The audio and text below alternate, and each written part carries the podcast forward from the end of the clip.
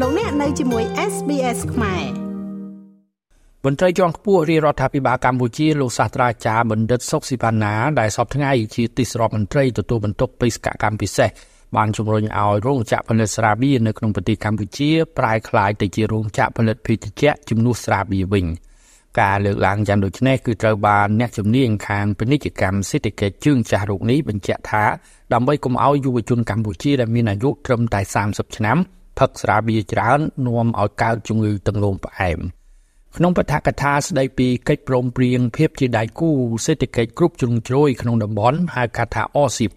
កាលពីព្រឹកថ្ងៃទី13ខែកញ្ញានៅក្រសួងព័ត៌មានលោកបណ្ឌិតសុបស៊ីផាណាបានលើកឡើងថាបើ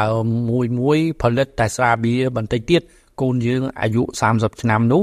នឹងកើតជំងឺតុងនោមផ្អែមទាំងអស់គ្នាហើយទោះជាបង្កើតមន្ទីរពេទ្យកាល់ម៉ែត3ទៀត ក៏ទប់មិនជាប់ដែរលោកបណ្ឌិតសុកស៊ីផាណាតែថាឥឡូវបងឯងចេះមានសមត្ថភាពធ្វើអាដំណើរហ្នឹងហើយធ្វើធ្វើផលិតកម្មហ្នឹងហើយតែបងឯងអាចគិតពីផលិតកម្មដទៃទៀតដែលជះឥទ្ធិពលវិជ្ជមានលើសង្គមអត់កុំឲ្យលើស្អីក៏សូរ៉ាសូរ៉ាសូរ៉ាស្រាស្រាបៀររហូតណាអញ្ចឹងយើងអាចជួយទៅធ្វើណែទឹកទឹកណែទឹកក្រូចយើងអាចអឺធ្វើស្អីដែលចេញពីផ្លែឈើរបស់យើងនឹង ហើយអានឹងសិតតែលទ្ធភាពនាំចេញបានទាំងអស់ហើយទឹកក្រូចយើងទឹកស្វាយរបស់យើង ទឹកល្ហុងរបស់យើងយើងអាចនាំចេញទាំងអស់ហើយបើគាត់ផលិតស្រាបៀរនឹងដែលស្តង់ដារអន្តរជាតិហើយណាមានន័យថាគាត់មានប្រព័ន្ធហើយអញ្ចឹងគាត់គាត់បង្វែរទិសហើយហើយអានឹងក៏ជាឱកាសមួយសម្រាប់គាត់នឹងបើគាត់មានទីផ្សារវាយយកទៅទីផ្សារចិនទីផ្សារជប៉ុនទីផ្សារបានគាត់ក៏មិនចាំបាច់ប្រឹងធ្វើស្រាបៀរលក់ឲ្យកូនខ្មែរដែរ អានឹងអានឹងយើងត្រូវគិតពី positive យ៉ាងវិញណាពួកពួកសេដ្ឋកិច្ចទីផ្សារយើងប្រមាហាមគាត់គេណាយើងមិនអាចចេញសារាចរមួយថាឯងមិនអាចធ្វើនេះយើងយើងសេដ្ឋកិច្ចយើងវា30ឆ្នាំយើងសេដ្ឋកិច្ចសេរីហើយអញ្ចឹងសំខាន់យើងតម្រង់ទិសវិញតម្រង់ទិសដើម្បីឲ្យគាត់ធ្វើឲ្យមួយដែលមិនបង្កលក្ខណៈ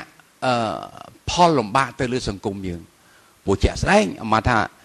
បើមួយមួយផលិតតែស្រាបៀរទីទៀតកូនយើងអាយុ30ទឹកនោមផែមទាំងអស់គ្នាណាអានឹងយើងត្រូវទទួលស្គាល់យើងទឹកនោមផែមទាំងអស់គ្នាហើយហើយកាល់ម៉ែតសង់3ទៀតក៏ទប់តែអ្នក diabetes ហ្នឹងក៏អត់រួចដែរអញ្ចឹងទាំងអស់ហ្នឹងយើងត្រូវតែមានការថ្លឹងថ្លែងណាហើយខ្ញុំជឿថាឥឡូវយើងមានរដ្ឋមន្ត្រីសុខាភិបាលថ្មីលោកនឹងគិតទាំងអស់ហ្នឹងយើងត្រូវតែមានវិធានការដើម្បីទប់ស្កាត់ អាការងារហួសហេតុយើងនិយាយយើងនិយាយទៅវិញណាក៏ប៉ុន្តែផលិតកម្មវាចាប់ផ្ដើមចេញពីស្អីមួយដែលគាត់មានលទ្ធភាពហើយបើសិនជាបើឥឡូវបើគាត់អត់មានការពិសោធន៍សោះស្រាប់គាត់ទៅចង់ធ្វើទឹកក្រូចដើម្បីនាំចេញទៅជប៉ុនក៏គាត់ធ្វើមិនបានដែរគាត់ធ្វើអត់បានទេអញ្ចឹងអានឹងអានឹងសំខាន់ណាអា initial step នឹងសំខាន់ណាហ្នឹងហើយ